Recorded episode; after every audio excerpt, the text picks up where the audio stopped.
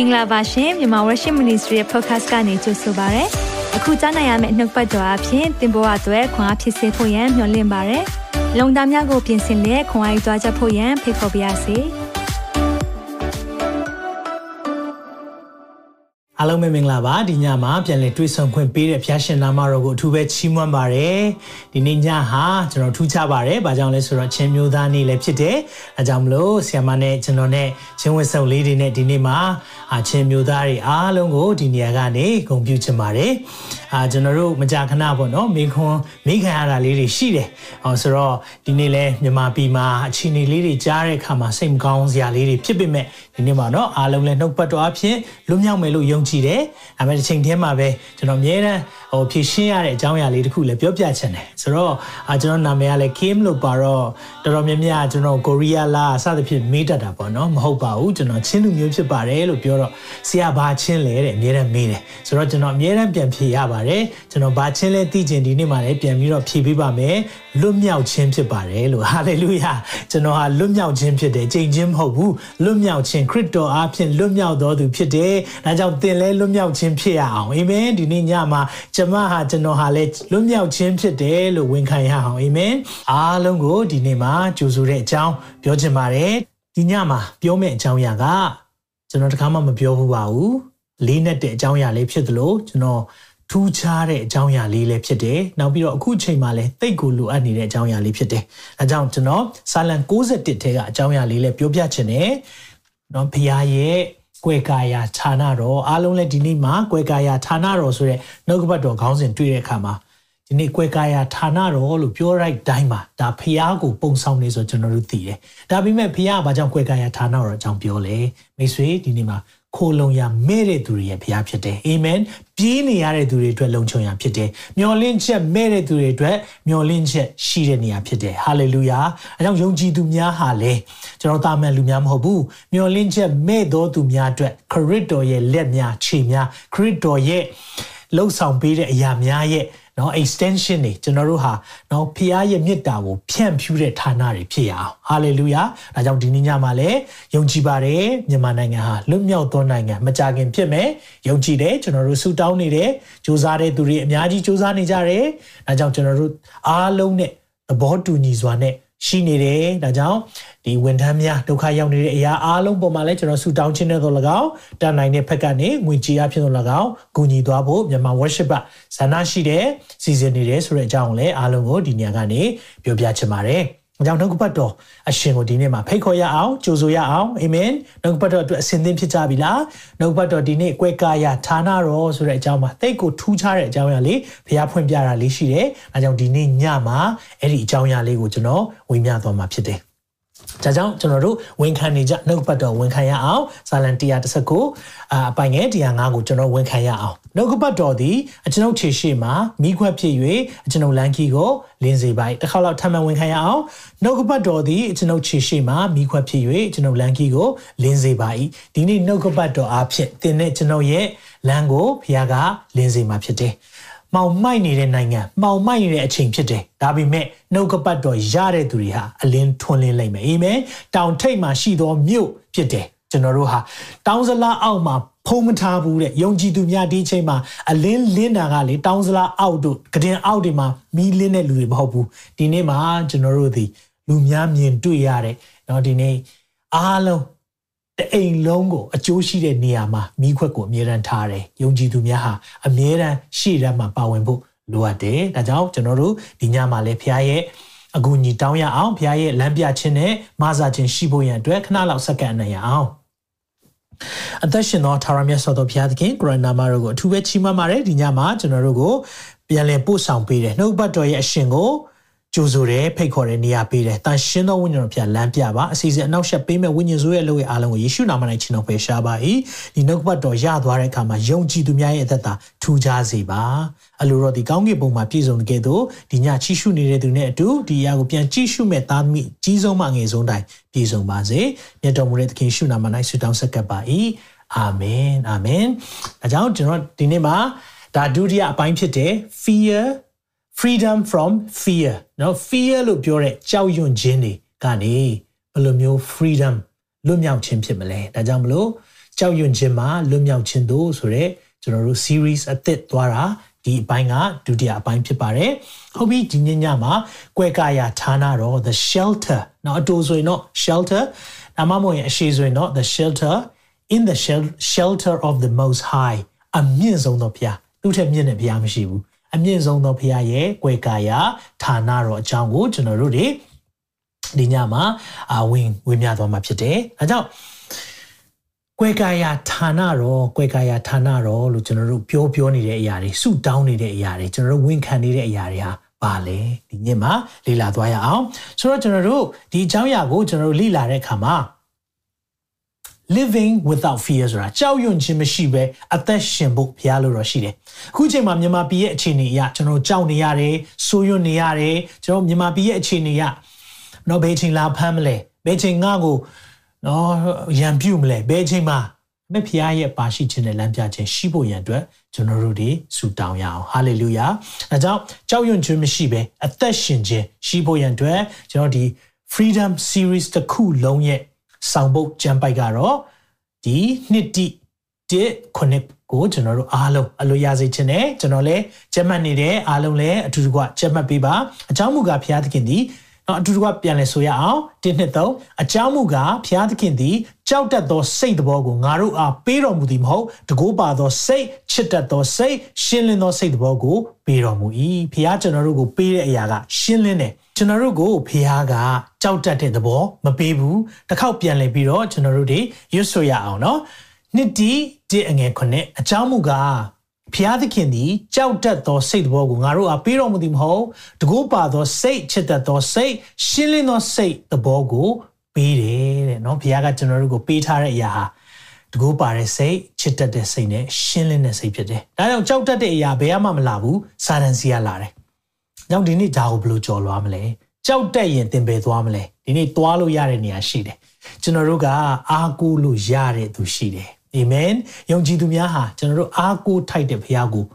ဒီနေ့ကိုးစားဖို့ဖြစ်တယ်ဒါပေမဲ့ဘုရားကဘာတွေဂရုပေးထားလဲနှုတ်ပတ်တော်ထဲမှာဒါကြောင့်ဒီနေ့ညမှာဒီအရာကိုကျွန်တော်တို့ဆက်လက်ပြီးတော့လေ့လာသွားရအောင်အာမင်ဆိုတော့ဒီနေ့ညနှုတ်ကပတ်တော်မသွားခင်မှာကျွန်တော်အပိုင်း1ထဲကနေကျွန်တော်ပြောခဲ့တဲ့အရာလေးတွေကိုပြန်ပြီးတော့ပြောပြချင်တယ်ကြောက်ရွံ့ခြင်းတွေ ရင်ဆိုင်လာရပြီဆိုရင်၃ခုသတိထားထားဖို့လိုတယ်သတိပြုရမယ့်အရာ၃ခုရှိတယ်အဲ့၃ခုကဘာလဲဆိုတော့နံပါတ်1က facts ခိုင်လုံတဲ့အချက်လက်ကဘာလဲဘုရားသင်ကိုသိချစ်တယ်အဲ့ဒါခိုင်လုံတဲ့အချက်ဖြစ်တယ်ဖះဟာတကိုးကြီးတဲ့သူဖြစ်တယ်မှန်တယ်ဒါလည်းခိုင်လုံတဲ့အချက်ဖြစ်တယ်နောက်တစ်ခုကကကဘာကုံသည့်တိုင်သင်နဲ့အတူရှိမယ်တဲ့ဆိုတော့ဖះကတကိုးအကြီးဆုံးလည်းဖြစ်တယ်သင်နဲ့လည်းအတူရှိမယ်လို့ဂတိပေးတယ်ဖះဒါက ကျွန်တော်တို့ကြောက်လာပြီးဟေ့ဆိုဒီအချက်ကသိရေးကြီးတယ် facts check ရအောင်ပြီးရင် foundation ကို check တဲ့အခါမှာသင်ရဲ့အခြေခံအုတ်မြစ်ကပါလဲဒါကိုသိဖို့လိုတယ်အခြေခံအုတ်မြစ်ကကျွန်တော်တို့ကတခြားလူမဟုတ်ဘူးအသက်ရှင်သောထာဝရဘုရားဖြစ်တယ်။ငါကြောင့်အသက်ရှင်သောထာဝရဘုရားကကျွန်တော်တို့ရဲ့အခြေခံအုတ်မြစ်ဖြစ်နေတယ်ဆိုရင်သင်ဘဲအခြေအနေရောက်သွားရောက်သွားဘုရားသင်နဲ့အတူရှိနေတုံးမယ်။အာမင်။ဒါကိုကျွန်တော်သိဖို့လိုသလိုသင်ရဲ့ယုံကြည်ခြင်းကိုဆန်းစစ်ဖို့လိုတယ်။ နော်ကျွန်တော်မြင်တွေ့ရတဲ့အရာတွေကျွန်တော်တစ်ခါလေကြာမှယုံကြည်ခြင်းရဲ့စန့်ကျင်ဘက်ကဘာလဲလို့ပြောရင်တော်တော်များများဘာဖြစ်မလဲသိလားမယုံကြည်ခြင်းပေါ့တကယ်တော့ယုံကြည်ခြင်းရဲ့စန့်ကျင်ဘက်ကမယုံကြည်ခြင်းမဟုတ်ယုံကြည်ခြင်းရဲ့စန့်ကျင်ဘက်ကအမြင်ကျွန်တော်တို့မြင်တဲ့အရာပေါ်မှာကျွန်တော်တို့ရဲ့ယုံကြည်ခြင်းဟာပြောင်းလဲသွားတတ်တယ်။ဒါကြောင့်ကျွန်တော်တို့ကဘာမြင်တယ်လဲ။ခုချိန်မှာပတ်ဝန်းကျင်ကိုကြည့်တဲ့အခါမှာ မြင်နေရတဲ့အရာတွေကကျွန်တော်တို့ရဲ့ယုံကြည်ခြင်းကိုကင်လှုပ်တဲ့အရာဖြစ်နေလိမ့်မယ်။ဒါကြောင့်မလို့ဘေးကိုကြည်တာစိတ်ပြည့်ရင်အထက်ကိုကြည်ရအောင်အာမင်အဲကြောင့်ကျွန်တော်တို့ဘေးကိုကြည်တာစိတ်ပြက်စရာကြီးပဲခုချိန်သတင်းကိုကြည်လိုက်စိတ်ပြက်စရာစိတ်မကောင်းစရာကြီးပဲအဲ့လိုအချိန်မှာကျွန်တော်ဘာကြည့်ဖို့လို့လဲကျွန်တော် Facebook ကြည့်တဲ့အခါမှာစိတ်ပြက်ရင်လေ let's face this book amen ဒီဒီ book ကိုကျွန်တော်တို့ကြည့်ရအောင် Facebook ကြည့်တာကျွန်တော်တို့ဝမ်းနေတဲ့အချိန်အများကြီးရှိတယ်အဲ့လိုအချိန်တွေမှာဆိုရင်ဘာကြည့်ဖို့လို့လဲ Facebook ဒီနေ့အသက်ရှင်တဲ့နှုတ်ပတ်တော်ကြည့်ဖို့လိုတယ်။အကြောင်းမလို့ဘုရားကကျွန်တော်တို့ကိုကျွန်တော်တို့ကိုသိချစ်တယ်ဆိုတာကိုသိဖို့လိုတယ်။ကျွန်တော်တို့ရဲ့ foundation ခိုင်ဖို့လိုတယ်။ပြီးရင်ကျွန်တော်တို့ရဲ့ယုံကြည်ခြင်းဒါကြောင့်မလို့ယုံကြည်ခြင်းဟာဘယ်ဟာဖြစ်လဲ။ဈာနာခြင်းအဖြစ်ဖြစ်တယ်။သင်ပါသတင်းတွေအများကြီးကြားနေလေ။အဲ့လိုပြောလို့သတင်းတွေမကြည့်ရအောင်ပြောတာမဟုတ်ဘူးနော်။သတင်းတွေကြည့်ရမယ်။ဒါပေမဲ့ကျွန်တော်တို့ဘယ်ဟာကြားတာများလဲ။အဲ့ဒီကြားတဲ့အရာကသင်ရဲ့ယုံကြည်ခြင်းကိုလေ။ ဘယ်ဟာအလေးသာစေမလဲဆိုတာဒီနေ့ညမှာကျွန်တော်အဲ့ဒါလေးပြောပြချင်တယ်။တင်းရဲ့မြန်းမြန်းအဲ့ဒီမကောင်းတဲ့သတင်းတွေကိုနားထောင်ကြည့်ကြည့်။အဲ့ဒီအရာအားဖြင့်တင်းရဲ့ကြားတဲ့အရာယုံကြည်လာတတ်တယ်။ဟာဆိုးနေပြီ။အာဟိုမှာဘလို့ဖြစ်နေပြီဆိုတာမျိုးထက်ဒီနေ့ဖះသိချစ်တယ် ဖះဟာတတ်နိုင်တဲ့သူဖြစ်တယ်။ဒါကြောင့်ကျွန်တော်နှုတ်ကပတ်တော်နဲ့တင်းကိုဒီညမှာလဲခွန်အားပေးပါရစေ။အာမင်။ဒါကြောင့်ကျွန်တော်နှုတ်ကပတ်တော်အဆက်မပြတ်နားထောင်ရအောင်။အာမင်။ဒီနေ့ကျွန်တော်တို့တည်င်းလဲမကြည့်ပါနဲ့မပြောပါဘူးကြည့်ပါ။ဒါပေမဲ့အဲ့လိုကြည့်တဲ့အခါမှာဖះရဲ့တကိုးဟာပိုကြီးမားတယ်ဖះတတ်နိုင်တယ်မထင်မှတ်တဲ့အရာတွေအားလုံးဖះအသုံးပြုနိုင်တယ်ဆိုတဲ့အရာကိုကျွန်တော်တို့ကမျှော်လင့်လဲဆူတောင်းဖို့လိုတယ်ကောင်းကင်တမန်တွေကိုအကူအညီတောင်းဖို့လိုတယ်အာမင်အဲကြောင့်မလို့ကျွန်တော်ဒီအရာလေး ကျွန်တော်အပိုင်း1တုန်းကပြောခဲ့ပြီးပြီဒီနေ့အပိုင်း2မှာကျွန်တော်ဒီရဲ့အဖွင့်ကျွန်တော်အခြေပြုကျမ်းစာလေးကိုဖတ်ချင်ပါတယ်60ခုမြောက်သောစာလံကျမ်းဖြစ်ပါတယ်60ခုမြောက်တဲ့စာလံကျမ်းကိုတော့ပညာရှင်တွေကတော့မောရှေရေးခဲ့တယ်လို့ဒါမှတ်ချက်ပြုထားပါတယ်ဒါကြောင့်မလို့ရေးသားတဲ့အားလုံးဟာမောရှေရဲ့အရေးသားပုံစံမျိုးပေါ့နော်စာလံ60ရာမောရှေရေးတာဖြစ်တဲ့အတွက်ဒီနှစ်ခုဟာဆက်ဆက်မှုရှိတယ်ဆိုတဲ့အကြောင်းနဲ့အတူ60ခုမြောက်သောစာလံဟာ မောရှေရဲ့ရေးသားချက်ဖြစ်နိုင်တယ်လို့ပညာရှင်များကပြောပါတယ်အဲ့ဒီမှာကြည့်တဲ့အခါမှာဖခင်ရဲ့ကွယ်ကာယเนาะကျွန်တော်တို့တော်တော်များများအလွတ်ရပြီးသားဖြစ်လိမ့်မယ်အမြင့်ဆုံးသောဖခင်ရဲ့ကွယ်ကာယဌာနတော်၌နေတော်သူသည်အနန္တတကုရှင်အရေးကိုခိုးရလိမ့်မည်သာရဖခင်သည်ငါခိုးလုံးရငါ၏ရဲတိုင်ငါကိုးစားသောဖခင်ဖြစ်တော်မူသည်ဟုငါပြောဆို၏တဲ့ဒီရဲ့နှုတ်ကပတ်တော်ကိုကျွန်တော်သိတဲ့အခါမှာကြည့်တဲ့အခါမှာကွဲကာယဌာနတော်ဆိုတာတွေ့ရသလိုအရေးဆိုတဲ့အရာလည်းတွေ့ရတယ်။ ပြီးရင်ဒီကျမ်းပိုက်နှစ်ပိုက်မှာတင်ဖခင်ကသူ့ရဲ့နာမ၄ခုပြောသွားတယ်။သူဘသူဖြစ်လဲဆိုတာ၄ခုတောင်ပြောသွားတယ်။နံပါတ်1အမြင့်ဆုံးသောဖခင်လို့သူပြောသွားတယ်။ပြီးရင်အနန္တတကုရှင်ဖြစ်ကြောင်းဖခင်ကပြောသွားတယ်။ပြီးရင်ထာဝရဖခင်ဖြစ်တယ်ဆိုတာပြောတယ်။ပြီးရင်ဖခင်သခင်လို့သုံးနှုံသွားတယ်ဆိုတော့ဒီစကလုံးလေးတွေကိုကြည့်တဲ့အခါမှာမြန်မာစကလုံးမှာတော့တအားကြီးကွာလှတယ်လို့မထင်ပေမဲ့မူရင်းဟေပြဲစကားမှာဆိုရင် အရန်ကိုဒီရဲ့အရာကထူခြားမှုသိရှိတယ်။ဒါကြောင့်ကျွန်တော်တို့ကနားလည်ဖို့လိုတာပါလဲဆိုတော့အမြင့်ဆုံးသောဖခင်ကိုကိုးကွယ်နေတာဖြစ်တယ်။အနန္တတကုရှင်ဆိုတာတတ်ဆွမ်းနိုင်တဲ့အရှင်ဖြစ်တယ်။ပြီးရင်ထာဝရဖခင်နော်မနေ့ယနေ့နောင်ကာလမပြောင်းမနေတဲ့ရှင်တဲ့ဖခင်ဖြစ်တယ်လို့ဖခင်သခင်နော်ဒီရဲ့ဒီရဲ့အရာတွေဖခင်ကကျမ်းစာထဲမှာစကလုံးတွေကိုပုံပေါ်လောသုံးတာမဟုတ်ဘူး ဖျားဘသူဖြစ်တယ်လဲဆိုတဲ့အရာကိုပြသတယ်။ဒါကြောင့်ဒီညမှာလေဒီရဲ့ကျမ်းကျမ်းနှစ်ပိုက်နဲ့ကျွန်တော်တို့တွေခွန်အားယူသွားရအောင်အာမင်။ဒီမှာကြည့်တဲ့အခါမှာကျွန်တော်ဗာဆက်ပြီးတော့တွေ့ရလဲဆိုရင်ဒီရဲ့နှုတ်ကပတ်တော်ဖတ်တဲ့အခါမှာကျွန်တော်နားလည်စေချင်တဲ့အရာလေးတခုပြောပြချင်တယ်အဲ့ဒါကတော့မိခိုရာမြို့များဆိုတဲ့အကြောင်းလေးအရင်ပြောပြမယ်။ So the city of refuge ဆိုတော့ refuge လုပ်တယ်เนาะ refugee ဆိုတာเนาะခိုခိုလုံခွင့် ခိုလုံရတဲ့သူတွေဆိုရင် refugee လို့ပြောတယ် the city of refuge ဆိုတာမိခိုရမြို့ဆိုပြီးတော့ဖះကသူ့ရဲ့လူမျိုးတွေကိုမှားထားတယ်ဆိုတော့ဣသေလ12နွယ်ရှိတယ်အီဂျစ်ကနေမောရှေကနေဆောင်းလာတယ်ဒါပေမဲ့နှစ်ပေါင်း40ဂန္ဓာအထက်မှာသွားရတယ်အဲ့ဒီမှာခေါင်းဆောင်အသစ်ယောရှုနဲ့ဒီရဲ့ဂတိတော်ထားတဲ့ခါနန်ပြည်ကိုဝင်ကြပြီအဲ့လိုဝင်တဲ့အခါမှာနေမြေတွေခွဲဝေကြတယ် နေမြေခွဲဝေတဲ့အခါမှာလေဝိအနွယ်ကဒီနေမြေတွေမရအောင်ဘာကြောင့်လဲဆိုတော့ तू ကဖျားရဲ့အမှုတော်မြတ်ကိုဆောင်ရွက်ရတာဖြစ်တယ်သူတို့အတွက် territory ဆိုတာမြေမပေးဘူးဘာပဲပေးလဲဆိုသူတို့မြို့တွေကိုပေးတယ်နော်ဆိုတော့အဲ့ဒီမြို့တွေမှာ तू ကအမှုတော်ဆောင်ဖို့ဆိုတော့ဒီဣသေလတခြားဆက်တဲ့ຫນွေနဲ့ဂျားထဲမှာသူတို့ကိုအမှုတော်ဆောင်မှုရန်အတွက်မြို့တွေကိုပေးတယ်အဲ့လိုမြို့တွေပေးတဲ့မြို့တွေမှာ ဘာကျွန်တော်တို့နားလည်ရလဲဆိုတော့အကယ်၍နော်လူတတ်မှုလူသေးစေမှုပေါ့လူတတ်မှုမဟုတ်နော်လူသေးစေမှုဖြစ်တယ်ဆိုရင်အဲ့ဒီမြို့ထဲက6မြို့အဲ့ဒီ6မြို့ကိုပြေးလို့ရတယ်ဆိုတော့လူတတ်မိတယ်ဆိုရင်ဒါကတော့အပြစ်လုံမိတဲ့အတွက်အပြစ်ဒဏ်စီရင်ခံမယ်ဒါပေမဲ့လူသေးစေမှုကြတော့မတော်တဆ accident အရာလုံးဝမရည်ရွယ်ဘဲနဲ့တရားရောက်ကိုသေစေတယ်ဆိုရင် तू ကဘာလုပ်ရလဲဆိုတော့ အဲ့လိုဖြစ်တယ်ဆိုရင်တစ်ဖက်ကလက်စားချီမာကိုကြောက်တယ်ဆိုရင်ပြေးလို့ရတဲ့မြို့6မြို့ရှိတယ်နော်အဲ့ဒီမြို့6မြို့ကိုသွားတယ်ဆိုရင်အဲ့ဒီမြို့ကိုလိုက်ပြီးတော့တတ်လို့မရအောင်နော်တစ်ဖက်က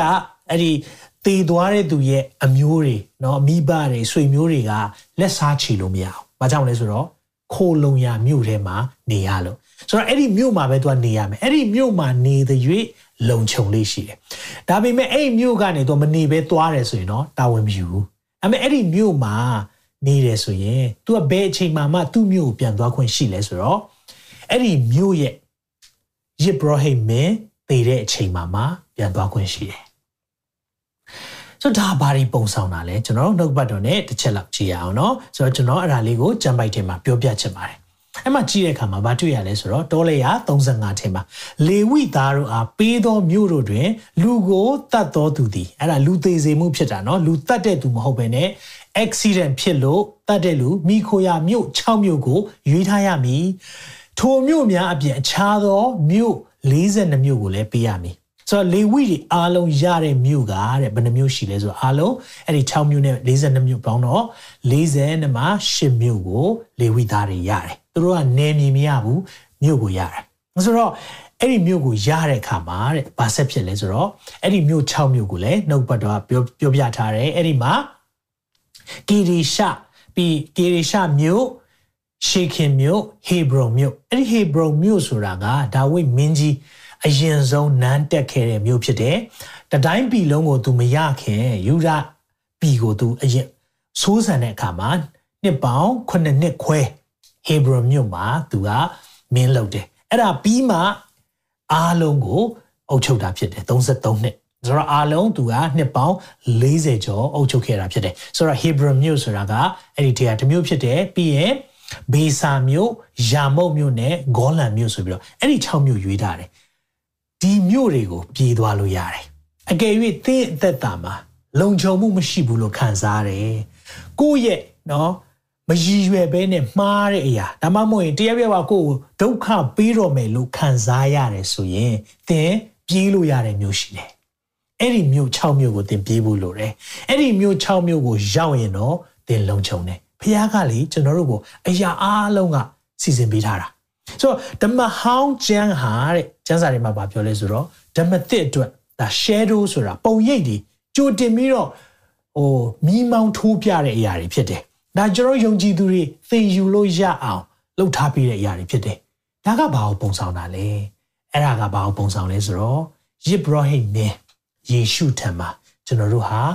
သွားတယ်ဆိုရင်အမြဲလုံခြုံတယ်ဆိုတဲ့အကြောင်းရင်းဖြစ်တယ်။အဲကြောင့်ကျမ်းစာထဲမှာဗာပြောထားလဲဆိုတော့ Christ our refuge ကျွန်ုပ်တို့ခိုလုံရာခရစ်တော်ဖြစ်တယ်။သင်ရဲ့သက်တာမှာဒီအချိန်မှာခိုလုံရမယ့်နေရာမရှိဘူးလို့ခံစားနေရလား။ကိုယ့်ရဲ့နော် နောက်ကိုလူတွေလိုက်နေတယ်လို့ခံစားရလား။ကိုယ့်ရဲ့နော်ကိုယ့်ရဲ့စီးပွားရေးမှာဒုက္ခရောက်နေလား။ကိုယ့်ရဲ့စားဝတ်နေရေးကိုယ့်ရဲ့နေထိုင်အသက်ရှင်ရေးမှာကြောက်ရွံ့မှုတွေနဲ့ကြုံနေဆိုရင်သင်ပြေးလို့ရတဲ့နေရာရှိတယ်အဲ့ဒီနေရာကတခြားမဟုတ်ပါဘူးကျွန်ုပ်တို့ရဲ့ခိုလုံရာခရစ်တော်ထံမှာပြေးဖို့ရန်အတွက်ဒီနေ့မှာခွန်အားပေးခြင်းတယ်ဟာလေလုယာဒါကြောင့်မလို့ ဟေဘရဲဩဝါစာရေးတဲ့သူကဘာပြောထားလဲဆိုတော့ဟေဘရဲဩဝါစာခန်းကြီး6ငယ်8မှာအကြောင်းမူကားဘုရားသခင်သည်မူတာမသုံးနိုင်သောအရာတိဟုသောမဖောက်ပြန်မပြောင်းလဲသောအရာနှစ်ပါးကိုအမိပြု၍ကိုယ်ရှိ၌ထားသောမျော်လင့်ရာကို ခိုလုံခြင်းကပြည်တော်သူတို့သည်တက်တာအားကြီးကြမိအကြောင်းတည်းဟာလေလုယာဒီနေ့ကျွန်တော်တို့ပြေးလို့ရတဲ့သူရှိတယ်ကျွန်တော်တို့ခိုလုံလို့ရတော့ရတဲ့နေရာရှိတယ်ဒါကြောင့်ဒီနေ့ခိုလုံရာကြောက်ဆောင်ယေရှုဖြစ်တယ်လို့ဒီနေ့ comment ရေးပါအောင်ဟာလေလုယာခိုလုံရာကြောက်ဆောင်ယေရှုထံပြေးမယ်လို့ comment လုပ်ပါအောင်ခိုလုံရာကြောက်ဆောင်ယေရှုဟာလုံခြုံတယ်လို့ဒီနေ့ comment လုပ်ပါအောင်ဟာလေလုယာဒါကြောင့်သုတ်တန်16အငယ်30မှာသာရဖျိုင်းနာမတွေသည်ခိုင်ခန့်သောရဲတိုက်ဖြစ်၍ဖြောင့်မတ်သောသူတို့သည် ပြေးဝေသဖြင့်လုံခြုံစွာ နေရကြ၏တဲ့အာမင်သင်ရဲ့လုံခြုံစေတဲ့နေရာတခြားနေရာမဟုတ်ဘူးခရစ်တော်ထဲမှာဖြစ်တယ်ဒါကြောင့်မလို့ဘုရားကနှုတ်ကပတ်တော်ထဲမှာဘာဖြစ်ရင်ဘာလုပ်ပါဘာဖြစ်ရင်ဘာလုပ်ပါဆိုတဲ့အရာအများကြီးကိုပြောထားပြီးသားဖြစ်တယ်ဒီနေ့ကျွန်တော်တို့စိုးရိမ်နေလားကိုယ့်အသက်ကိုတတ်မှကြောက်လို့ထွက်ပြေးရမယ်အဲ့လိုမျိုးခံစားရဲဆိုထွက်ပြေးလို့ရတဲ့နေရာဘုရားပြင်ဆင်ထားပြီးတယ်။ဒါကြောင့် City of Refuge ခိုလုံရတဲ့မြို့ 6မြို့ဘုရားကထားပေးတာအကြောင်းရှိတယ်။ထိုနည်း၎င်းပဲဒီအရာကဘာကိုပုံသက်တည်ပြနေလဲ။ခရစ်တော်ထံမှာလာရောက်ခိုလုံတဲ့သူတွေဟာဒီနေ့မှာလွတ်မြောက်ခြင်းရှိတယ်။ဒါကြောင့်ကျွန်တော်ကအမြဲတမ်းပြောတာခရစ်တော်ထံမှာလာရောက်တော်သူဟာလွတ်မြောက်ခြင်းပဲ။ဟာလေလုယာဒီနေ့ဒီနေ့ မိတ်ဆွေကိုခွန်အားပေးခြင်းနဲ့တင်းရဲ့အသက်တာမှာကြောက်ရွံ့နေလိမ့်မယ်တင်းရဲ့အသက်တာမှာငါ့ကိုဘယ်တော့ဖမ်းမလဲငါ့ကိုဘယ်တော့များထောင်ချမလဲငါနောက်ကိုဘယ်သူများလိုက်လာမလဲလို့စိုးရိမ်နေတယ်ဆိုရင်လေဒီနေ့မှိုင်ပြီးတော့အမှောင်ထဲမှာငိုနေရမယ့်အချိန်မဟုတ်ဘူးဒီနေ့ခိုးလုံရမြို့ကိုပြေးရအောင်အာမင်ခိုးလုံရကြောက်ဆောင်သခင်ယေရှုထံမှာပြေးရအောင်ဒီနေ့ဘုရားကကျွန်တော်တို့ကို ကြောက်တတ်တဲ့သဘောမပေးဘူးတကိုးပါသောစိတ်ချစ်တတ်သောစိတ်ရှင်းလင်းတဲ့စိတ်သဘောအာမင်ဒါကြောင့်ဒီနေ့ကျွန်တော်တို့တူဝေနေရမယ့်အချိန်မဟုတ်ဘူးခရစ်တော်ထံပြေးရအောင်ခရစ်တော်ထံမှာခိုလုံရအောင်ခရစ်တော်ထံမှာကျွန်တော်တို့ရဲ့အရာအလုံးကိုပုံအပ်လိုက်မယ်ဆိုရင်မိတ်ဆွေအဲ့ဒီနေရာဟာလုံခြုံရမြို့ဖြစ်သွားလိမ့်မယ်ခိုလုံတဲ့နေရာ city of refuge တခြားနေရာမဟုတ်ပါဘူးသခင်ယေရှုဖြစ်တယ်ဆိုတဲ့အကြောင်းနဲ့ပထမတစ်ချက်ပြောပြခြင်းနဲ့ နောက်တစ်ချက်ပြောပြခြင်းနဲ့အဲ့ဒါကဘာလဲဆိုရင်တော့ the shadow of the almighty အနန္တတကုရှင်ရဲ့အရေးဆိုတဲ့အရာလေးကိုပြောပြခြင်းတယ်အနန္တတကုရှင်ရဲ့အရေးဘာကိုပြောတာလဲအနန္တတကုရှင်เนาะကျွန်တော်တို့ဒီနေ့အနန္တတကုရှင်ဆိုတဲ့အရာ almighty ဆိုတဲ့အရာကသိလေးနဲ့တဲ့အရာဖြစ်တယ်เนาะဒီနေ့ကျွန်တော်အဲ့ဒီတရုတ်ပြည်လာတဲ့အနန္တတကုရှင်ဂိုင်းကိုပြောတာမဟုတ်ဘူးเนาะအနန္တတကုရှင်လို့ပြောတဲ့ almighty ဖခင်ရဲ့ တကူအာနာဘလောက်ကြီးတယ်ဆိုတဲ့အရာကိုကျွန်တော်တစ်ချက်အရင်ဆုံးရှင်းပြချင်တယ် El Shaddai လို့သုံးထားတယ်အနန္တတကူရှင်ကိုเนาะတကယ်မူရင်းမှာ El Shaddai El Shaddai ဘာကိုပြောတာလဲ El ဆိုတဲ့သဘောကတကူ power ကိုပြောတာ Shaddai ဆိုတာက strong breasted one ဆိုတဲ့အဓိပ္ပာယ်ကလုံခြုံတဲ့ရင်ခွင်ဒါမှမဟုတ်ရင်မိခင်လိုမျိုးဆိုရင်လုံခြုံတဲ့ရင်သားနော်ဒီ shed shad shed ဆိုတာကရင်သားကိုပြောတာတနည်းအားဖြင့်ဘုရားကဘာကိုပြောလဲဆိုတော့တစ်ဖက်မှာ power တကယ်ကိုခွန်အားဗလကြီးမားတဲ့သူဖြစ်တယ်လို့တစ်ဖက်မှာမိခင်ကဲ့သို့နူးညံ့သိမ်မွေ့ခြင်းနဲ့တင့်ကိုထွေးပွေထားတယ်ဆိုတဲ့အဓိပ္ပာယ်ဖြစ်တယ် El Shaddai အနန္တတကူရှင်လို့ကျွန်တော်တို့ကြားလိုက်တိုင်းကျွန်တော်တို့ကပဲဘာပဲသိလဲဆိုတော့ဟာတကူကြီးတာပဲသိတယ်တစ်ချိန်တည်းမှာအဲ့တကူသိပ်ကြီးတဲ့ဖခင်ကလေတင့်ကိုလေမိခင်တပွဲစောင်းရှောက်တယ်ကလေးငယ်လေးဘာမှမလုပ်တတ်တဲ့ကလေးငယ်လေးမွေးကင်းစကလေးငယ်လေးရဲ့လုံခြုံဆုံးနေရာဘယ်နေရာဖြစ်မှတင်လဲ မိခင်ရဲ့ရင်ခွဲသူ့အတွက်လိုအပ်တဲ့အာဟာရအားလုံးရှိသလိုသူ့အတွက်လုံခြုံမှုလည်းရှိတယ်အာမင်ဒါကြောင့်ဖခင်ရဲ့နာမတွေပြောတဲ့အခါမှာကျွန်တော်တို့ကဘာကိုပုံဆောင်တယ်လဲဆိုတာကိုသိဖို့လဲလိုတယ် El Shaddai El Shaddai လို့ပြောလိုက်တိုင်းတကူကြီးချင်းရဲ့နူးညံ့သိမ်မွေ့ချင်းရဲ့တွေ့ထားတာအနန္တတကူရှင်လို့ပြောတဲ့အတိုင်းကျွန်တော်တို့ကဘာနားလိဖို့လိုလဲတကူလည်းရှိတယ် တစ်ချိန်တည်းမှာပဲမိခင်ကဲ့သို့လည်းကျွန်တော်တို့ကိုစောင့်ရှောက်တော်သူဖြစ်တယ်။သူ့ရဲ့အရေးမှာခိုလုံရတယ်။ဒီရဲ့အကြောင်းအရာကိုမောရှိရေးတဲ့အချိန်မှာကျွန်တော်နားလည်တာတခုရှိတယ်။ဘာလဲဆိုတော့သူတို့ဂန္ဓာရထဲမှာနှစ်ပေါင်း40သွားရတယ်။အဲ့ဒီမတိုင်ခင်မှာမောရှိကတိုးចောင်းသားအနေနဲ့နှစ်ပေါင်း40ကန္နာရထဲမှာအလုပ်လုပ်ပြီးသားဆိုတော့သူ့ဘဝမှာနှစ်ပေါင်း80လောက်ကို ဂန္ဓာယထဲမှာအချိန်ကုန်တယ်ဆိုတော့ဂန္ဓာယမှာသွားတဲ့ခါမှာပူလောင်တယ်ဂန္ဓာယဆိုတဲ့အရာကတအားကိုပူလောင်တာအရေးမရှိဘူးအဲ့လိုအရေးကဘယ်အချိန်မှာပဲရလဲဆိုတော့ဘယ်အချိန်မှာရလဲတဲထိုးတဲ့အချိန်မှာသူတို့တွေတနေရာမှာနားပြီဆို tent တဲထိုးတဲ့အချိန်မှာဒါကြောင့်သူကတဲတော်ဆောက်တယ်ဖခင်ကတဲတော်ဆောက်တယ်ဆိုတာသူ့ရဲ့အရေးကိုပြချင်တာသူ့ရဲ့အေးမြခြင်းနဲ့ သူ့ထဲမှာခိုလုံတဲ့အခါမှာလုံခြုံခြင်းကိုပြချင်တာဒါကြောင့်ဒီရဲ့နှုတ်ကပတ်တော်ရေးတဲ့အခါမှာเนาะအမြင့်ဆုံးသောဘုရားရဲ့ကွယ်ကာယဌာနမှာနေတဲ့သူဟာဘာလဲဆိုတော့အနန္တတကုရှင်အရေးကိုခိုးရမယ်ဖခင်ရဲ့အရေးမှာခိုတဲ့လူဟာ လုံခြုံတယ်လို့ပြောချင်တာဒါပေမဲ့ तू ကဘာကိုတင်စားချင်တာလဲသာရဖျားငါခေငါခိုးလို့ရငါရဲ့ရေးတိုင်ငါကူးစားသောဖျားဖြစ်တယ်လို့ तू ဘာကြောင့်ပြောချင်တာလဲပြောချင်တာအကြောင်းရှိတယ်ကျွန်တော်ဒီမှာပုံလေးတစ်ပုံပြချင်တယ်ဒါကတော့အခု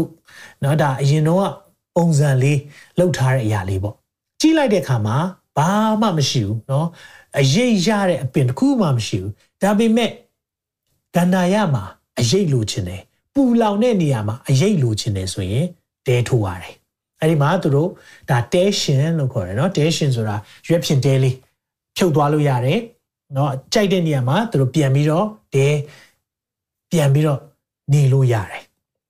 အဲ့လိုအမြဲတမ်းသူတို့သွားရတယ်အဲ့လိုသွားတဲ့အချိန်ဒီမှာသူတို့ကဘာကိုပုံဆောင်လဲဆိုတော့အကယ်၍ဒီရဲ့သဲကန္နာမှာသွားတဲ့အခါမှာပူလောင်မှုအားလုံးရဲ့ ချုပ်ငိမ့်တဲ့နေရာဟာတဲ တဲတော့တနည်းအားဖြင့်ဖျားရဲ့အရေးဖြစ်တယ်ဆိုတာကိုမောရှေကပုံဖော်တာဒါပေမဲ့အဲ့ဒါနဲ့ဆက်ဆက်ပြီးတော့ကျွန်တော်နားလည်ဖို့တခုလိုတယ်အဲ့ဒါဘာလဲဆိုတော့ဂျူးလူမျိုးတွေရဲ့အဲဝတ်ကြည်ပြေကြေပြွန်ခြင်းဒလိလေးကိုသိဖို့လိုတယ်ဆိုတော့ the law of hospitality ပေါ့နော်ဆိုတော့ဖခင်ကသူတို့ကိုအဲဝတ်ကြည်ပြွန်စေခြင်းတယ်ဒါလေးကိုကျွန်တော်ပြောပြခြင်းတယ်ဆိုတော့ the law of hospitality ဆိုတာအဲဝတ်နော်အဲအဲ့တဲ့ဝတ်ပြုတဲ့အရာက တော်တော်လေးတခြားလူမျိုးတွေတထူးခြားတဲ့အမျိုးလေးဖြစ်တယ်။ဘယ်မှာတွေ့ရလဲဆိုတော့ကဘာဦးကျန်အခန်းကြီး16ထဲမှာเนาะကျွန်တော်တို့အများကြီးမသွားတော့ဘူး။ဒါကိုအာကျွန်တော်ဒီထဲမှာရှိတဲ့အကြောင်းလာနေနဲ့ပြောပြချင်တယ်။သောတုံမြို့မှာနော်လောတာကမြို့တကားဝမှာထိုင်တယ်လို့ပြောတဲ့အခါမှာ तू ကမြို့တကားမှာထိုင်တယ်ဆိုတဲ့အဓိပ္ပာယ်က judge နော်တရားသူကြီးလုပ်တဲ့အကြောင်းအရာကိုဒါကိုလည်းဆိုလိုတယ်ဆိုတဲ့အရာကိုကျွန်တော်မှတ်သားမိတယ် ဆိုတော့သူခီးဦးကြိုပြူတယ်ကောင်းကင်တမန်နေရောက်လာတော့သူ့အိမ်မှာလာတဲပါလို့ပြောတဲ့ခါမှာအဲ့ဒီညမှာတဲ့သောတုံမျိုးမှာကြည့်တဲ့ယောက်ျားအကြီးငယ်အရက်ရလာတော့သူကအိမ်ကိုဝိုင်းပြီးတော့ငါတို့ကိုတဲ့အဲ့ဒီယောက်ျားနှစ်ယောက်ထုတ်ပေးပါတဲ့သူတို့နဲ့ဆက်ဆံလို့ကြည်အောင်နော်သောတုံနဲ့ဂေါမောရာဆိုတဲ့အရာကအခုခင်မဟုတ်ဘူးအခုကျွန်တော်တို့ဒီဒီမှာနော်အခုအခုအချိန်မှာဒါတွေလုပ်တယ်ဆိုရင် မထူးဆန်းတယ်လို့လို့ဖြစ်လာတာဒါပေမဲ့အဲ့ဒီရဲ့ပြဿနာဟိုး နှစ်ပေါင်းမြောက်များစွာကလေးကရှိတယ်အာဗြဟံလက်ထက်ကလေးကတော့ရှိနေပြီဆိုတာသိစေချင်တယ်အဲ့ဒီလူနှစ်ယောက်ထုတ်ပေးပါတဲ့အဲ့ဒါနဲ့လောတာပြောတယ်မဟုတ်ဘူးမလုပ်ကြပါနဲ့ဒါငါရဲ့ဧည့်သည်ဖြစ်တယ်ဘာကြောင့်လဲသိလားဂျူးထုံးစံမှာကို့အိမ်မှာလာပြီးတော့တဲတဲ့ဧည့်သည်ကိုကာကွယ်ပေးရတယ်ကိုယ့်ရဲ့အရေးအောက်နော်အရေးအောက်မှာရောက်လာပြီကိုယ့်ရဲ့အိမ်အမိုးအောက်မှာရောက်လာပြီဆိုရင်အဲ့ဒီလူကိုကာကွယ်ပေးရတယ်။ ဒါကြောင့်မလို့လောတာပြောတဲ့စကားကျွန်တော်အခုချိန်မှာဒီရဲ့ဂျူးထုံးစံကိုနားမလည်တဲ့အခါမှာဘာကြောင့်ဒီလိုမျိုးပြောတာသူဘာပြောလဲအဲ့လိုမလုပ်ကြပါနဲ့တဲ့။နော်ဆိုကျမ်းစာထဲမှာကြည့်အောင်အဲ့လိုမလုပ်ကြပါနဲ့တဲ့အဓမ္မအမှုတွေဖြစ်တယ်တဲ့။ဒီလိုမျိုးမလုပ်ပါနဲ့တဲ့။အဲ့မှာသူအငယ်ရှစ်မှာဆိုယောက်ျားနဲ့မဆက်ဆံသေးတဲ့သမီးနှစ်ယောက်ရှိပါတယ်သူတို့ကိုကြိုက်တာလုပ်ချင်လုပ်ပါတဲ့။ဘာလို့ပြောတာလဲဆိုတော့သူတို့ဧည့်သည်ကိုကာကွယ်ခြင်းကိုပြတာ။တနည်းအားဖြင့်ဧည့်သည်ကသူတို့ရဲ့အိမ်အမှုအောက်မှာရောက်လာပြီဆိုရင် သူတို့ရဲ့အသက်အန္တရာယ်အားလုံးဟာအိမ်ရှင်နဲ့ဆိုင်သွားပြီသူတို့လာခိုးလုံတဲ့သူတွေကိုကာကွယ်ရမယ်ဆိုတဲ့ထုံတန်းစင်လာရှိတယ်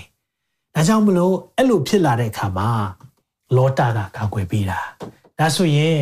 ဖခင်ကသူမလုံနိုင်တဲ့အရာတခုကိုဘယ်တော့မှမလုပ်ခိုင်းနော်ကျွန်တော်နားလေဟာအာဗြဟံကိုသူ့ရဲ့သားတောင်းသားပေးပါတဲ့တောင်းတယ်ဒါပေမဲ့တကယ်ပေးမယ်လို့တဲ့ချိန်မှာအာဗြဟံ ပေးဖို့လုပ်တဲ့ချိန်မှာကျတော့မယူသွားဘူးဒါမဲ့ဖေယားသူ့ရဲ့သားတော့အရင်ကိုပေးလာပေးတယ်ဖေယားကသူ့မလုံနိုင်တဲ့အရာဘယ်တော့မှကျွန်တော်တို့စီမတောင်းဆယ်ဖို့တူဖို့ကငါနဲ့ဆိုင်နေဒါမဲ့သူ့ရဲ့အဦးသီးကိုကျွန်တော်တို့အရင်ပေးတာသူ့ရဲ့အဦးသီးကပါလေယေရှုခရစ်ကျွန်တော်တို့အရင်ပေးတာအဲကျွန်တော်တို့ကဖခင်ရဲ့ထုံတန်းဖခင်ရဲ့အသွာလာကိုနားလဲချင်တယ်ဆိုရင်မိတ်ဆွေနားလဲဖို့ကတခုကပါလဲဆိုတော့ဖခင်ဟာ ဂျူးတွေကိုကိုယ်အိမ်မှာလာတဲ့ဧည့်သည်ကိုစောင့်ရှောက်ရမယ်ဆိုတဲ့ဧည့်သည်ဝတ်ပြုခိုင်းတယ်ဆိုရင်ဖခင်ကသူ့ရဲ့အရေးထဲမှာခိုလုံတဲ့သူတွေကိုဘယ်လောက်ကာခွင့်မလဲဆိုတာမြင်စေချင်လို့အာမင် နားလည်လားမသိဘူး။ဒါကြောင့်ဖခင်ရဲ့အရေးအောက်မှာလုံခြုံစေတာဖြစ်တယ်လို့ဒီနေ့မှာဝန်ခံရအောင်။အာမင်ကွန်မန့်ရေးပါအောင်။ဖခင်ရဲ့အရေးဟာလုံခြုံတယ်။ဖခင်ရဲ့ကွယ်ကာယာနေရာသည်အလုံခြုံဆုံးဖြစ်တယ်ဆိုတာရေးပါ။ဘာကြောင့်လဲ။ဒီနေ့လောတာတော်မှာသူကာကွယ်တယ်။သူသမီးတွေပါရအောင်သူဂိူးမဆိုင်ဘူး။ဒါပေမဲ့သူဂိူးဆိုင်တဲ့အရာသူ့ရဲ့ဧည့်သည်။တနည်းအားဖြင့်သူ့ရဲ့အရေးမှာလာခိုတဲ့သူတွေယူဆိုင်တယ်။ ထိုနည်း၎င်းပဲဖခင်ကသူ့အရေးမှာလာခိုလုံတဲ့သူတွေကိုဘလောက်ကြီးဆိုင်မလဲမိတ်ဆွေကိုနားလည်စေချင်တယ်အဲကြောင့်ဒီနေ့သင်ပြေးစရာနေမြေမရှိဘူးဆိုရင်ဒီနေ့ပြေးလို့ရတဲ့မြို့6မြို့ဘုရားပြောထားတယ်ဒါဆိုရင်ဓမ္မသစ်မှာဘယ်ဓမ္မသစ်ခေတ်မှာဘယ်မြို့ကိုပြေးမလဲသခင်ယေရှုစီပြေးတာကိုပြောတာဖြစ်တယ်ဟာလေလုယာသခင်ယေရှုထံခိုလုံတော်သူလုံခြုံတယ်ဆိုတဲ့အကြောင်းဖြစ်တယ်ဒါဆိုရင်အနန္တတကုရှင်ရဲ့အရေးမှာ ခိုလုံတာလုံခြုံမလားလောတသူ့အိမ်မှာလာတဲ့သူတွေကိုကာကွယ်တယ်လို့ပဲဖခင်ကကာကွယ်ဖို့အပြည့်ရှိတယ်ဖခင်ကသူ့ရဲ့အရေးမှာလာခဲ့ပါသူ့ရဲ့ကွယ်ကချင်းထဲမှာတင်ဝင်လာမယ်ဆိုရင်တင့်ကိုကာကွယ်ပေးဖို့အစဉ်သင့်ရှိတယ်ဆိုတာကိုဘုရားကပြင်းပြပြောနေတယ်အာမင်ဟာလေလုယာဒီနေ့ကျွန်တော်တို့ကတာဝန်ကခိုလုံဖို့ပြေးဖို့လိုတယ် ဖျားထဲမှာသွားဖို့လိုတယ်ဖျားရဲ့အရေးအောက်ထိရောက်ဖို့လိုတယ်ကန္နာရရဲ့ပူလောင်ခြင်းတွေသင်ခံရလိမ့်မယ်ကန္နာရရဲ့ရေငတ်ခြင်းတွေသင်ခံစားရမယ်လောကကိုပုံဆောင်တဲ့ကန္နာရဆိုတာ၆တွေ့ခြင်းရေငတ်ခြင်းရေမရှိဘူးဒါပေမဲ့လုံခြုံတဲ့နေရာပဲနေရာလဲဒီနေ့တဲထဲမှာလာတဲ့အခါမှာလုံခြုံတယ်လို့ပဲဖခင်ကသူ့ရဲ့အရေးထဲမှာလာတော့သူမြောက်များစွာကိုလည်းလုံခြုံစေလိမ့်မယ်အာမင်ဒါလေးကိုဒုတိယချက်သင်ကိုနားလည်စေခြင်းတယ် ဒီရဲ့တတိယချက်လေးကျွန်တော်ပြောရင်းနဲ့အဆုံးသတ်ခြင်းတယ်ခိုးလုံရည်လိုအပ်နေလားသင်ဘဝမှာခိုးလုံမဲ့နေရာမရှိဘူးလို့ခံစားနေရလားဝန်ထမ်းနေအလုပ်ပြုတ်သွားလို့ဒါမှမဟုတ်ရင်အလုပ်မသွားဖြစ်လို့ခိုးလုံရတဲ့နေရာမရှိဘူးလားဒီနေ့ယောဂါကြောင့်သင်ရဲ့သက်တာမှာကြောက်လန့်နေရလားကြောက်ရွံ့နေရလားကိုကိုကိုဒီရဲ့လက်ရှိမှာကြုံတွေ့နေရတဲ့အခြေအနေတွေက ခြောက်လန့်စေလားဒါဆိုရင်သင်ခိုလုံဖို့ရန်အတွက်နေရာလိုတယ်အဲ့ဒီခိုလုံဖို့လောက်တဲ့နေရာမှာထူးခြားတဲ့အဖြစ်အပျက်လေးရှိတယ်လိုက်ရမယ်နင်းလန်းလေး၃ခုရှိတယ်အဲ့ဒါလေးကိုပြောပြချင်တယ်အကယ်၍ဒီလိုရွက်ဖြင့်တဲတွေတွေ့တယ်တဲရှင်တွေတွေ့တယ်ဆိုရင်တင်ဒုက္ခရောက်လာတယ်တင်ရဲ့ဘဝမှာအကူအညီလိုလာပြီအကာအကွယ်လိုလာပြီ protection လိုလာပြီဆိုရင်ဘာလုပ်ရလဲဆိုရင်လုံခြုံ ရမှာခိုးလုံမယ်လို့သင်ဆုတ်စိတ်ဆုံးဖြတ်တယ်ဆိုရင်ဘာလုပ်ရလဲဆိုတော့အဲ့ဒီမှာရှိတဲ့ခေါင်းဆောင်တိုးထင်းကိုဒီရဲ့တဲကိုရှာဖို့လိုတယ်ခေါင်းဆောင်တိုးထင်းရဲ့နာမည်ကိုရှာရတယ်ပြီးရင်သူ့ရဲ့တဲကိုရှာရတယ်ဘာလို့လဲအဲ့ဒီတဲကိုတွေ့ပြီဆိုရင်တဲရှင်ရဲ့ဂျိုးဆိုတာခုနကျွန်တော်အခုဒီပုံမှာကြည့်ကြည့်ပေးပါဒီမှာဂျိုးတွေတွေ့လားအဲ့ဒီဂျိုးကိုလှုပ်ခါရတယ် အဲ့ဆိုတဲတစ်ခုလုံးကလှုပ်ခါတဲ့အခါမှာဘာဖြစ်လဲဆိုတော့အော်ဟစ်အကူကြီးတောင်းရတယ်ကဲပါကျွန်တော်ကိုခိုလုံခွင့်ပြုပါကျွန်တော်ကိုရန်သူတွေလိုက်နေပြီကျွန်တော်နောက်ကိုလူဆိုးသမျှတွေလိုက်နေပြီကျွန်တော်တို့ခေါ်ဖို့ဖြစ်တယ်မိတ်ဆွေဒီနေ့မြန်မာပြည်နဲ့ဘယ်လောက်ဆက်ဆက်လဲကျွန်တော်ခေါ်ရအောင်တဲရှင်အဲ့ဒီခေါင်းဆောင်တိုးထင်းရဲ့နာမည်သင်မသိရင်ကျွန်တော်ဒီနေ့ပြောပြချင်တယ်ယေရှုခရစ်တော်ဖြစ်တယ်ဒါဆိုရင်သူ့ရဲ့တဲရှင်ရဲ့ကြိုးကို ဆွဲပါဆိုတာယုံကြည်ခြင်းနဲ့ဖခင်ထံမှာခြေလန်းလန်းခြင်းကိုပုံဆောင်တယ်ဖခင်နာမကိုဒီနေ့ခေါ်ရအောင်ဖျားစီမှာငိုကြွေးရအောင်ကျွန်တော်တို့ကိုကယ်ပါကျွန်တော်တို့ကိုကယ်ပါကျွန်တော်တို့ကိုရောရဲ့အရေးမှာခိုလုံခွင့်ရခြင်းတယ်ဆိုပြီးတော့ကျွန်တော်ဘုရားထံမှာတိုးဝင်ရအောင်ဟာလေလုယာဒီနေ့ဒီအရာကိုလှုပ်သွားတဲ့သူရှိလားရှိတယ်12နှစ်သွေးသွန်တဲ့အမျိုးသမီးလှုပ်သွားတဲ့အရာလေးကိုကျွန်တော်ပြောပြချင်တယ်ဒီအရာလေးကတိတ်ကို အဓိပ္ပာယ်ရှိတဲ့အရာဖြစ်တယ်သူရဲ့ဘဝမှာစဉ်းစားကြည့်အောင်လူတွေကဘေးပယ်ထားတယ်12နှစ်သွေးသွန်တယ်ဆိုတဲ့အခါမှာလူရှိမှသွားခွင့်မရှိဘူးမတန့်ရှင်းသောသူဖြစ်တယ်စေကုတဲ့အရာတွေစေကုတာများလွန်းလို့သူ့ရဲ့ငွေကြေးတွေအလုံးကုန်သွားပြီစီးစိမ်ကုန်သွားပြီဒီအရာကိုကျမ်းစာထဲမှာ၃နေရာမှာဖော်ပြထားတယ်မဿဲ9ထဲမှာမာကု9နဲ့လုကာခန်းကြီး8ထဲမှာပြောထားတယ် ဒါပေမဲ့ဒီနေ့ကျွန်တော်ရွေးချယ်ထားတာလုကာခရစ်ဝင်ကျမ်းခန်းကြီး8အငယ်53ကအကြောင်းအရာကိုပြောပြခြင်းတယ်ထို့အခါ12နှစ်ပတ်လုံးသွေးသွန်အနာဆွဲသောကြောင့်သွေးသွန်နာဆွဲတယ်မလွယ်ဘူးနော်ဘလောက်ခံစားရမလဲဥစ္စာရှိသမျှကိုဆေးသမားတို့အားပေး၍ကုံတော်လဲအဘယ်ဆေးသမားလက်၌များချမ်းသာမရသောမိန်းမတစ်ယောက်သည်နောက်တော်သို့ချင်းကပ်၍အဝတ်တော်ဤဘဘွားကိုတို့တယ်အဲဒါကြောင့်ဒီပုံလေးကိုပြန်ကြည့်ပေးပါအဝတ်တော်ရဲ့ ဘဘွားကိုတို့တယ်တဲ့အဲ့ဒီမှာအဝတ်တော်မှာတွဲလောင်းကျနေတဲ့ကျိုးလေးတွေ့လားအဲ့ဒီကျိုးလေးကိုသူလမ်းဆွဲတာဘဘွားလေးအဲ့ဒါကိုသူလမ်းဆွဲတာတနည်းအားဖြင့်တဲရှင်အနန္တတကူရှင်ရဲ့တဲကိုသူဟာခိုလုံခြင်းတဲ့အတွက်တဲကျိုးကိုသွားလှုပ်တာနဲ့ပုံဆောင်တယ်အနန္တတကူရှင်ရဲ့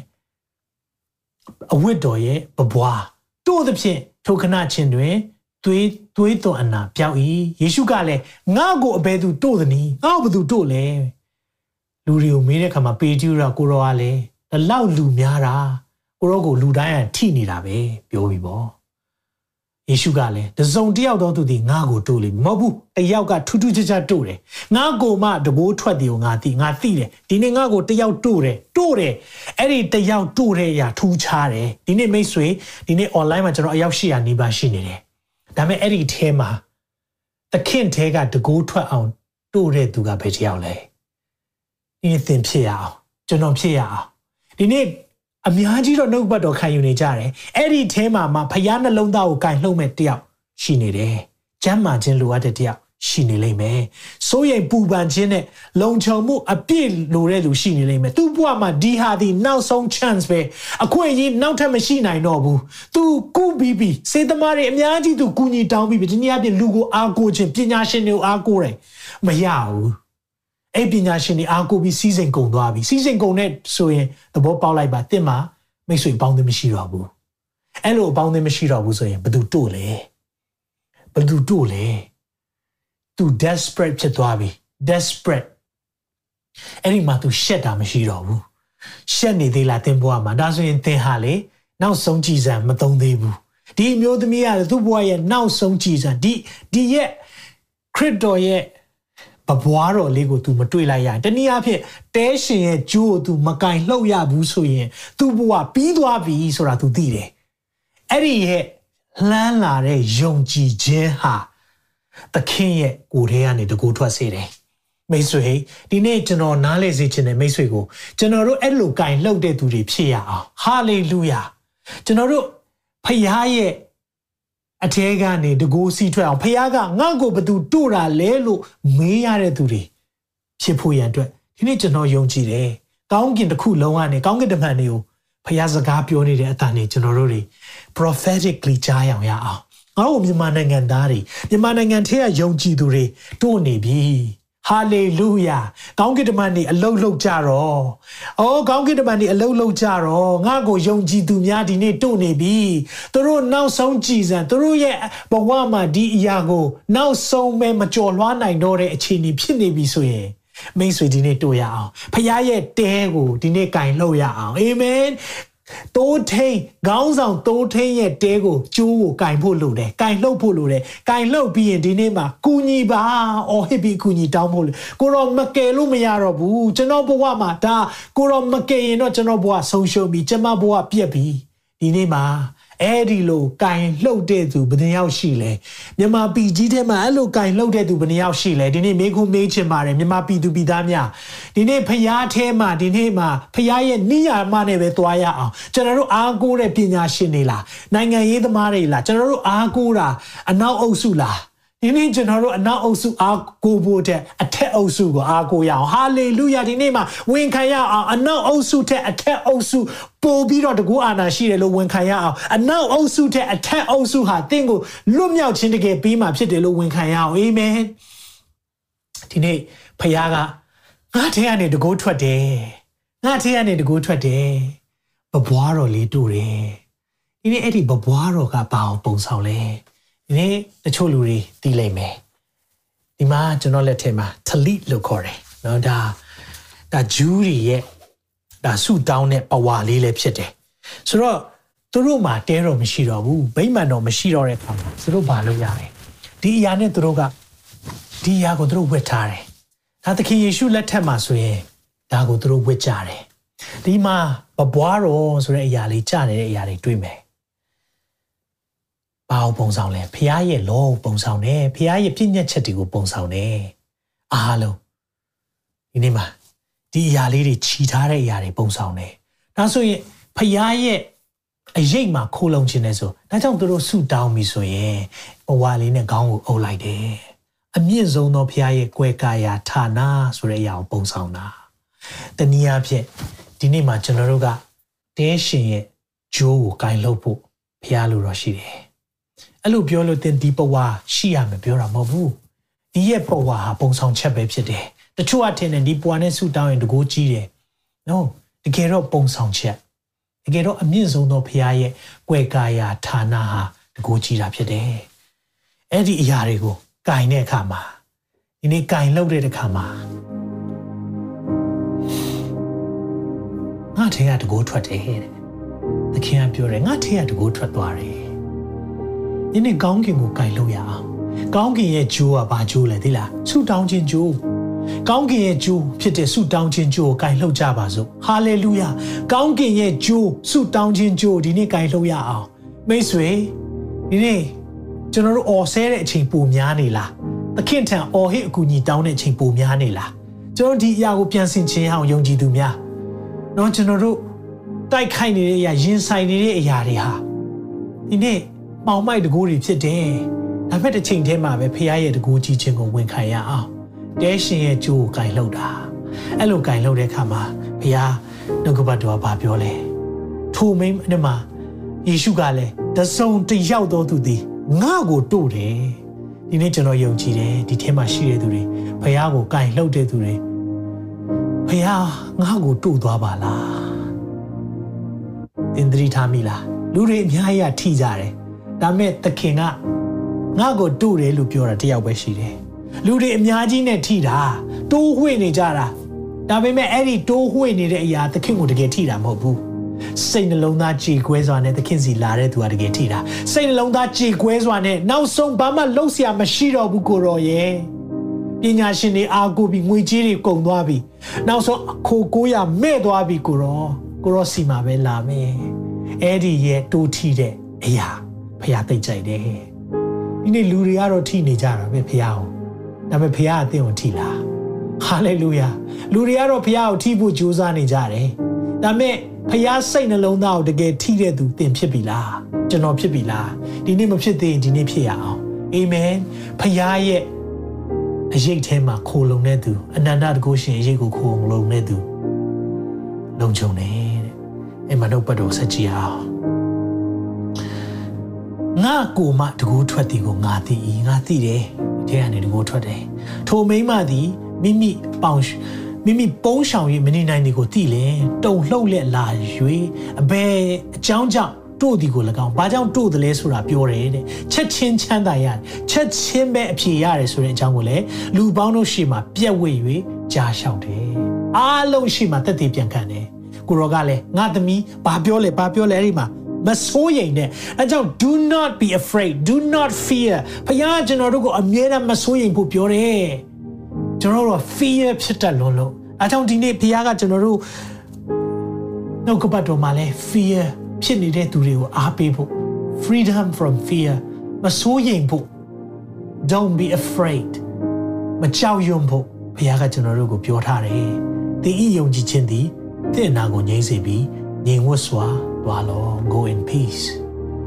ကျွန်တော်တို့ရဲ့ယုံကြည်ခြင်းဟာကျွန်တော်တိုင်းပြည်အနာကိုငြိမ်းရအောင်ကျွန်တော်တို့ရဲ့ယုံကြည်ခြင်းကြောင့်ကျွန်တော်တို့ရဲ့တိုင်းပြည်ရဲ့အနာကိုငြိမ်းစေတော်သူများဖြစ်ကြရအောင်ဟာလေလုယာမိတ်ဆွေဒီနေ့မှာဖခင်ကကျွန်တော်တို့ရဲ့အထက်မှာရှိတဲ့ဖခင်အနန္တတကုရှင်ဖခင်တကုသိတ်ကြည်တယ်တကူသိတ်ကြည့်တယ်ဒါပေမဲ့တစ်ချိန်တည်းမှာပဲ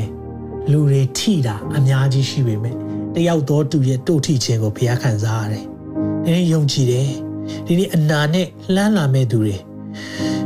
ကျွန်တော်တို့ရဲ့ဘဝအနာတွေဒီနေ့ပျောက်စီနိုင်တာသခင်ဖြစ်တယ်။တိုးဝင်ရအောင်တိုးဝင်ပါတိုးဝင်ပါဘုရားရှိပါ။ဒါရှင်သောဝိညာဉ်တော်ဘုရားလှုပ်လှုပ်နေတယ်။မိတ်ဆွေအမြင့်ဆုံးသောဘုရားရဲ့ကွယ်ကာယဌာနတော်ထဲမှာနေတဲ့သူဟာအနန္တတကုရှင်အရေးကိုခိုးရမယ်။ဟာလေလုယာ မိတ်ဆွေတိုးဝင်ပါရှီရဲ့နေရာမှာကြေကွဲနေလားဒူးထောက်ချလိုက်ပါဒီနေ့ပပွားတော်ကိုမတို့လို့မရဘူးအဲ့ဒီပပွားတော်ဘာကိုပုံဆောင်လဲဆူတောင်းခြင်းကိုပုံဆောင်တယ်နောက်ဆုံးခိုကိုးရမဲ့နေတဲ့အချိန်မှာတဲရှင်ရဲ့ကြိုးကိုပုံဆောင်တယ်ဒီနေ့ကြိုင်လှုပ်ရအောင်ဆူတောင်းခြင်းနဲ့သွားတဲ့အခါမှာကောင်းကင်တစ်ခုလုံးကတုန်လှုပ်တယ်ဟာလေလုယာ အရှင်တော်ဝိညာဉ်တော်ဘုရားဘုန်းတော်ကိုနဲ့ကြွဆင်းလျက်လူတွေရဲ့နာနေတဲ့အနာများတိုင်းပြည်ကြောင့်ဖြစ်နေတဲ့ခံစားချက်အနာများအားလုံးကိုဒီနေ့မှာကောင်းကင်ကိုတို့ပါတယ်ကောင်းကင်ရဲ့ကြိုးကိုကင်လှုပ်ပါတယ်ဆူတောင်းခြင်းနဲ့ယုံကြည်ခြင်းနဲ့လာပါတယ်အဖာကျွန်တော်တို့မှာတခြားအားကိုးရမယ့်အရာလုံးဝမရှိတော့ပါ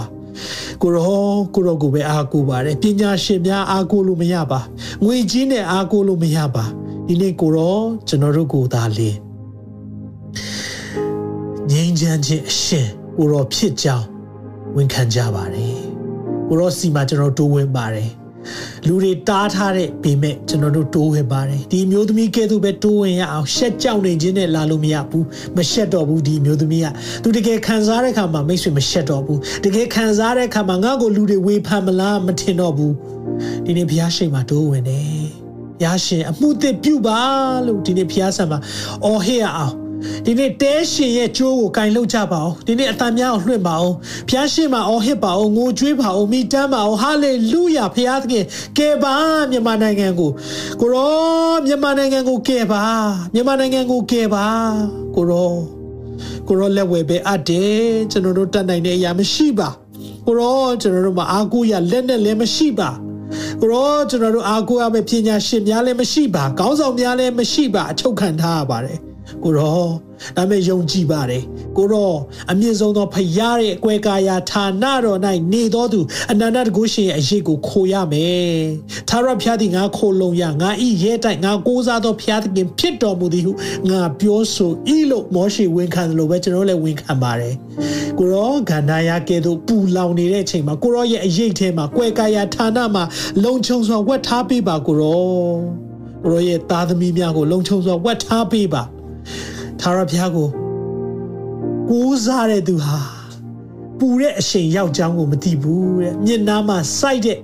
အရွက်မညှိုးနှံ့တဲ့အပင်အပင်လိုပဲအသီးသီးတဲ့သူများဖြစ်တယ်နှုတ်ပတ်တော်ထဲမှာပြောထားတယ်ဟာလေလုယာဖာကိုရောရဲ့နှုတ်ပတ်တော်အတွက်ယေရှုတင်ပါတယ်ဒီညမှာမြန်မာနိုင်ငံအတွက်အထူးဆုတောင်းပါတယ်ဖခင်ရဲ့အလိုတော်ကိုဝန်ခံပါတယ်တစ်ချိန်တည်းမှာပဲကိုရော ကျွန်တော်တို့ရင်ဆိုင်နေရတဲ့သူတွေအတွေးသားရှိသောရန်သူများမဟုတ်ပဲနဲ့အထွတ်မြတ်များအာနာဇက်များလောကီမှာမနဲ့အဆိုတရားပြုသောမင်းမိုးကောင်းကင်၌နတ်ဆိုးများကိုရင်ဆိုင်ပါတယ်ခရစ်တော်နာမ၌လာပါတယ်အသေးခံတဲ့သိုးသခင်ရဲ့ယေရှုအသွေးတော်အားဖြင့်လာပါတယ်ကျွန်တော်တို့ရဲ့သက်သေခံချက်များအားဖြင့်လာပါတယ်ကောင်းကင်ဘုရားများကိုကူညီတောင်းပါတယ်မြန်မာနိုင်ငံရဲ့အမှုကိစ္စအဝဝကိုဖြည့်ရှင်းပေးပါကောင်းကင်ဘုရားတက်မြောက်ကိုတော့ဆေလွှတ်ပေးပါဟာလေလုယာ သင်တို့ဖက်၌ရှိတော်သူသည်လောကဖက်၌ရှိတော်သူထက်သာ၍အားကြီးတယ်ဝန်ခံရအောင်။အိုးငါတို့ဖက်မှာရှိတော်သူဟာလောကဖက်မှာရှိတော်သူထက်သာ၍အားကြီးတယ်လို့ဝန်ခံပါမိတ်ဆွေ။အာမင်။ဖာရောဒီနေ့မှာဘဝအနာများနဲ့ပင်ပန်းခြင်းနဲ့လာတဲ့သူများကိုရောနှုတ်ပတ်တော်ပြောတဲ့အတိုင်းပဲဝင်လေး၍ပင်ပန်းတော်သူများငါထံသို့လာငါချမ်းသာပေးမယ်ဆိုတဲ့ကိုရောဂတိတော်ဒီနေ့မှာယုံကြည်သူများအတွက်ကြီးညာပါတယ်။ယောဂကြောင့် အခက်အခဲဖြစ်နေတဲ့သူများယောဂကြောင့်အသက်မှာစိုးရိမ်နေရတဲ့သူများအားလုံးလဲဒီညမှာကိုရောဘဝတော်တို့တဲ့ကဲ့သို့ဒီနှုတ်ကပတ်တော်ကြားတဲ့အခါမှာကြမ်းမာခြင်းတကိုစီစဉ်ဖို့ရန်အတွက်ယေရှုနာမ၌နှုတ်ကပတ်တော်ဒီနေရာကနေဆေလွတ်ပါ၏ဟာလေလုယာထိုနည်း၎င်းမှာနိုင်ငံအတွက်ရင်ပတ်နာနေကြတဲ့သူများနှလုံးသားကြည်ကွဲနေကြတဲ့သူများပေါ်မှာဖရာသခင်ကိုရောရဲ့ healing power ကိုခြေညာပါတယ် Lord help us Lord ကိုရောကျွန်တော်ရဲ့အပြစ်တွေကိုးကွယ်မှုမှားယွင်းချင်းကြောင့်ဖြစ်ခဲ့တယ်ဆိုရင်ကိုရောရှေ့မှာဝင်ချတောင်းပန်ပါတယ်ဒီချိန်မှာမြန်မာနိုင်ငံကိုကိုရောကြည်ရှုကြွပါမြန်မာပြည်သူများပြည်သူပြည်သားများကိုအကြည်ရှုကြွပါယေရှုတင်ပါတယ်အလိုတော်ဟာကောင်းကင်ဘုံမှာပြည့်စုံခဲ့သူဒီနေ့ကြည်ရှုနေကြတဲ့သူများမြန်မာပြည်သူပြည်သားများပေါ်မှာလည်းပြည့်စုံပါစေဟာလေလု ဖျားရှင်ကောင်းမြတ်ပါတယ်လို့ဝန်ခံပါအောင်ဖျားရှင်ကောင်းမြတ်ပါတယ်မြန်မာနိုင်ငံအပေါ်မှာသုံးခေါက်ဝန်ခံရအောင်ဖျားရှင်ကောင်းမြတ်ပါတယ်မြန်မာနိုင်ငံအပေါ်မှာဖျားရှင်ကောင်းမြတ်ပါတယ်မြန်မာနိုင်ငံအပေါ်မှာဖျားရှင်ကောင်းမြတ်ပါတယ်မြန်မာနိုင်ငံအပေါ်မှာဟာလေလုယာအဖျားရှင်ကောင်းမြတ်ပါတယ်မြန်မာနိုင်ငံအပေါ်မှာအာမင်ဖျားရှင်ကောင်းမြတ်ပါတယ်ကိုရောကိုရောနာမ၌ ဒီနေ့မှာကျွန်တော်လာပါတယ်ပါဟာလေလုယာဟာလေလုယာ amen thank you so much lord ကျွန်တော်ဆူတောင်းပေးခြင်းနဲ့ဒီမှာရှိတဲ့သူတွေအခုလည်းဆူတောင်းပေးနေပါတယ်။အမေတစ်ချိန်တည်းမှာပဲမြန်မာနိုင်ငံကိုစားပြုဆူတောင်းဖို့ရန်အတွက်အားလုံးကိုဖိတ်ခေါ်ခြင်းနဲ့ဒီနေ့ကိုရော ကျွန်တော်တို့မြန်မာနိုင်ငံအတွက်ဘာဆုတောင်းရမယ်မသိဘူးကိုရောဒါပေမဲ့ကျွန်တော်တို့ငြိမ်းချမ်းခြင်းအရှင်ကိုနေရာပေးဖို့လိုတယ်ဆိုတဲ့အရာကိုတော့သိတယ်ကိုရောငြိမ်းချမ်းခြင်းအရှင်နေရာမယူတဲ့အခါမှာမငြိမ်သက်ဘူးဖြစ်နေတယ်ကိုရောတိုင်းပြည်ဟာမငြိမ်သက်ဘူးဖြစ်နေတယ်ဒါကြောင့်ကိုရောမိစ္ဆာအပေါင်းပါရဲ့ငြိမ်းချမ်းခြင်းအရှင်ရဲ့နေရာမှာနေရာယူထားတဲ့အရာအလုံးကိုယေရှုနာမ၌ဖယ်ရှားတယ်ဘုရားရဲ့တန်ရှင်းသောဝိညာဉ်တော်အုပ်ဆိုးတဲ့နိုင်ငံဖြစ်ကြောင်းကြီးညာတယ် ဘုရားရဲ့အရှင်သောဝိညာဉ်တော်ဖျားညီသက်ခြင်းအရှင်ကိုနေရာပေးပါ၏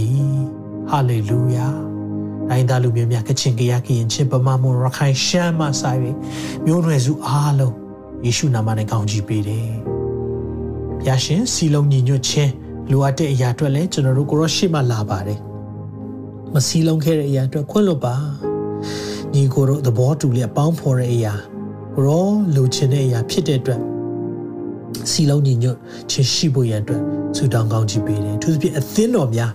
စီလုံးညီညွတ်ခြင်းရှိလာပါမိကြောင်းဆုတောင်းပါတယ်ဟာလေလုယာဟာလေလုယာဖျားရှင်ကိုရိုနာမ၌ဆုတောင်းကောင်းချီးပေးတယ်ဒုန်ဒီဂရုကိုရောစိတ်မသာညှိတွားလဲရှိတဲ့သူများအားလုံးပေါ်မှာလဲဖျားရဲ့တကူတော်အဖြစ်ဒီအခုချိန်မှာပဲလဲလွတ်မြောက်ရတဲ့အခွင့်ပေးပါမြန်မာပြည်အတွက်နဲ့မြန်မာပြည်သူပြည်သားများအားလုံးအတွက်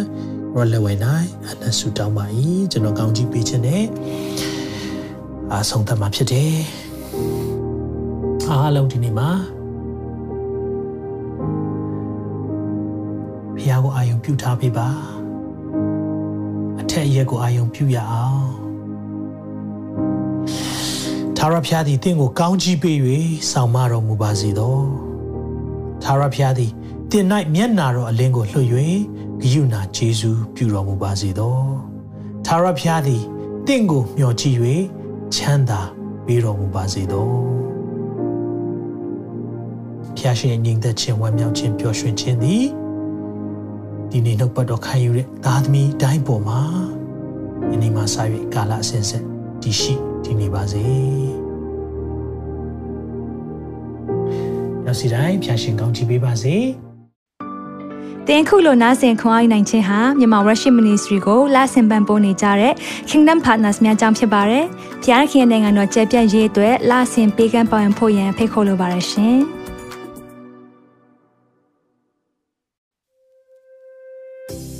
အခုကြားနာခဲ့ရတဲ့နှုတ်ပတ်တော်အဖြစ်ခွန်အားရရှိမဲ့လို့ယုံကြည်မျှော်လင့်ပါတယ်။ခွန်အားရဆိုလို့ရှိရင်ဒီတစ်ပတ်နဲ့ပြန်လည်ဝေမျှပေးဖို့ရန်တောင်းဆိုပါရစေ။ မြန်မာ Worship Ministry ရဲ့ website myanmarworship.com ကိုလည်းလာရောက်လေ့လာဖို့ရန်အတွက်ဖိတ်ခေါ်ချင်ပါတယ်။တချိန်ထဲမှာမြန်မာ Worship Ministry ရဲ့ social media platform များဖြစ်တဲ့မြန်မာ Worship YouTube Channel, မြန်မာ Worship Facebook Page နဲ့မြန်မာ Worship Instagram များကိုလည်းလာရောက်လေ့လာဖို့ရန်အတွက်ဖိတ်ခေါ်ချင်ပါတယ်။နောက်တစ်ချိန်မှာပြန်လည်ဆုံတွေ့ကြပါစို့။ဖျားရှင်ကောင်းကြီးပေးပါစေ။